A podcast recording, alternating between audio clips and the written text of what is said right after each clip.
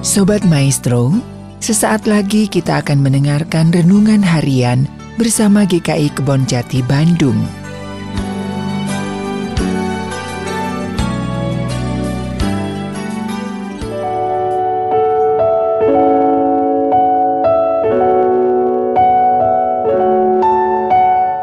Salam sejahtera saudara yang dikasihi oleh Tuhan Yesus Kristus. Damai sejahtera Roh Kudus selalu menyertai kita semua. Saat ini kita bertemu lagi dalam program Renungan Harian GKI Kebon Jati bersama saya Penatua Hetianawati Tanduwijaya. Tema renungan hari ini adalah tembok pemisah. Bacaan firman diambil dari Lukas 11 ayat 37 sampai 52. Yesus mengecam orang Farisi dan ahli-ahli Taurat. Saya akan membacakan ayat yang 42. Tetapi celakalah kamu, hai orang Farisi, sebab kamu membayar persepuluhan dari selasih, inggu, dan segala jenis sayuran, tetapi kamu mengabaikan keadilan dan kasih Allah. Yang satu harus dilakukan, dan yang lain jangan diabaikan. Saudara yang terkasih dalam Tuhan Yesus Kristus, ke mana pun kita pergi, sering kita melihat tembok pemisah antara wilayah satu dengan wilayah lain. Saat kita melihat sebuah tembok yang kuat, kokoh, unik, dan indah dipandang mata, maka fokus kita terpusat pada penampilan tembok yang tampak dari bagian luar saja.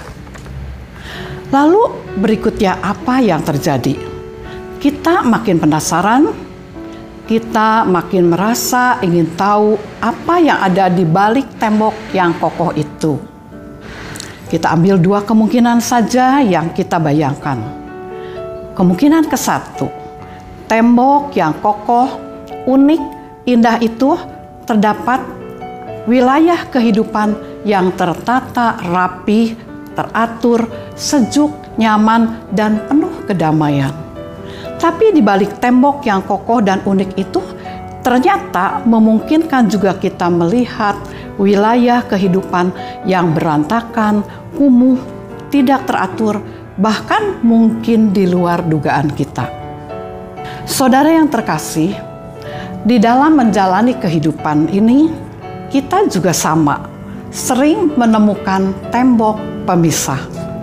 Apakah di tempat kita bekerja, di lingkungan sekitar, di tempat kita melayani, bahkan di dalam keluarga besar kita, atau bisa juga terjadi di tengah kelompok persahabatan kita. Lalu, apa yang menjadi tembok pemisah itu? Yaitu sikap-sikap yang ditampilkan oleh orang Farisi itu. Kekayaan, jabatan, sikap merasa paling benar, sikap merasa paling suci, sikap sombong, angkuh, sikap selalu ingin dihormati, nyinyir, bahkan bisa terjadi ada gula, ada semut, atau eksklusif juga. Nah, Saudara yang terkasih dalam Yesus Kristus, tembok pemisah inilah yang menyebabkan terjadinya ketidakpedulian antara sesama kita. Lalu di manakah teladan Tuhan Yesus kita tempatkan? Atau begitu saja berlalu?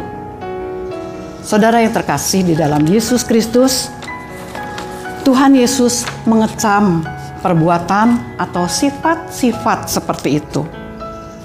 Tuhan Yesus sudah membuktikan bahwa tidak ada tembok pemisah di antara kita. Orang buta Tuhan Yesus sembuhkan tanpa menanyakan latar belakangnya.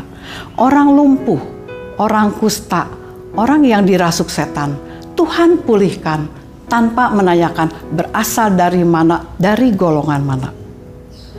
Saudara sekalian, Tuhan Yesus mengasihi kita semua tanpa batas. Latar belakang tidak pernah ditanyakan oleh Tuhan Yesus. Kalau Tuhan Yesus sudah memberi teladan kepada kita, mari kita tempatkan teladan itu di dalam hati kita, lalu kita jadikan dasar untuk melakukan kebaikan tanpa sekat. Banyak orang saat ini butuh pelayanan kita, menunggu uluran tangan kita. Lakukanlah. Saat ini saat yang tepat untuk berbuat baik. Biarlah kita tinggalkan tembok yang tampak dari luar saja. Kita membuat satu jalur baru, jalur kasih yang penuh berkat. Dari awal sampai ujung jalur itu, pasti Tuhan akan memberkati. Tuhan tentu menyiapkan kita untuk memampukan membuat jalur kasih itu kalau kita mampu membaca firman, kalau kita mampu mendengarkan firman dari berbagai pihak, lalu kita juga pernah dijamah Tuhan untuk hal-hal yang lebih baik lagi. Karena itu, lakukanlah teladan Tuhan. Biarlah kita tetap melaksanakan kasih jalur awal dan akhir tanpa sekat. Mari kita lakukan bersama. Tuhan Yesus memberkati. Amin.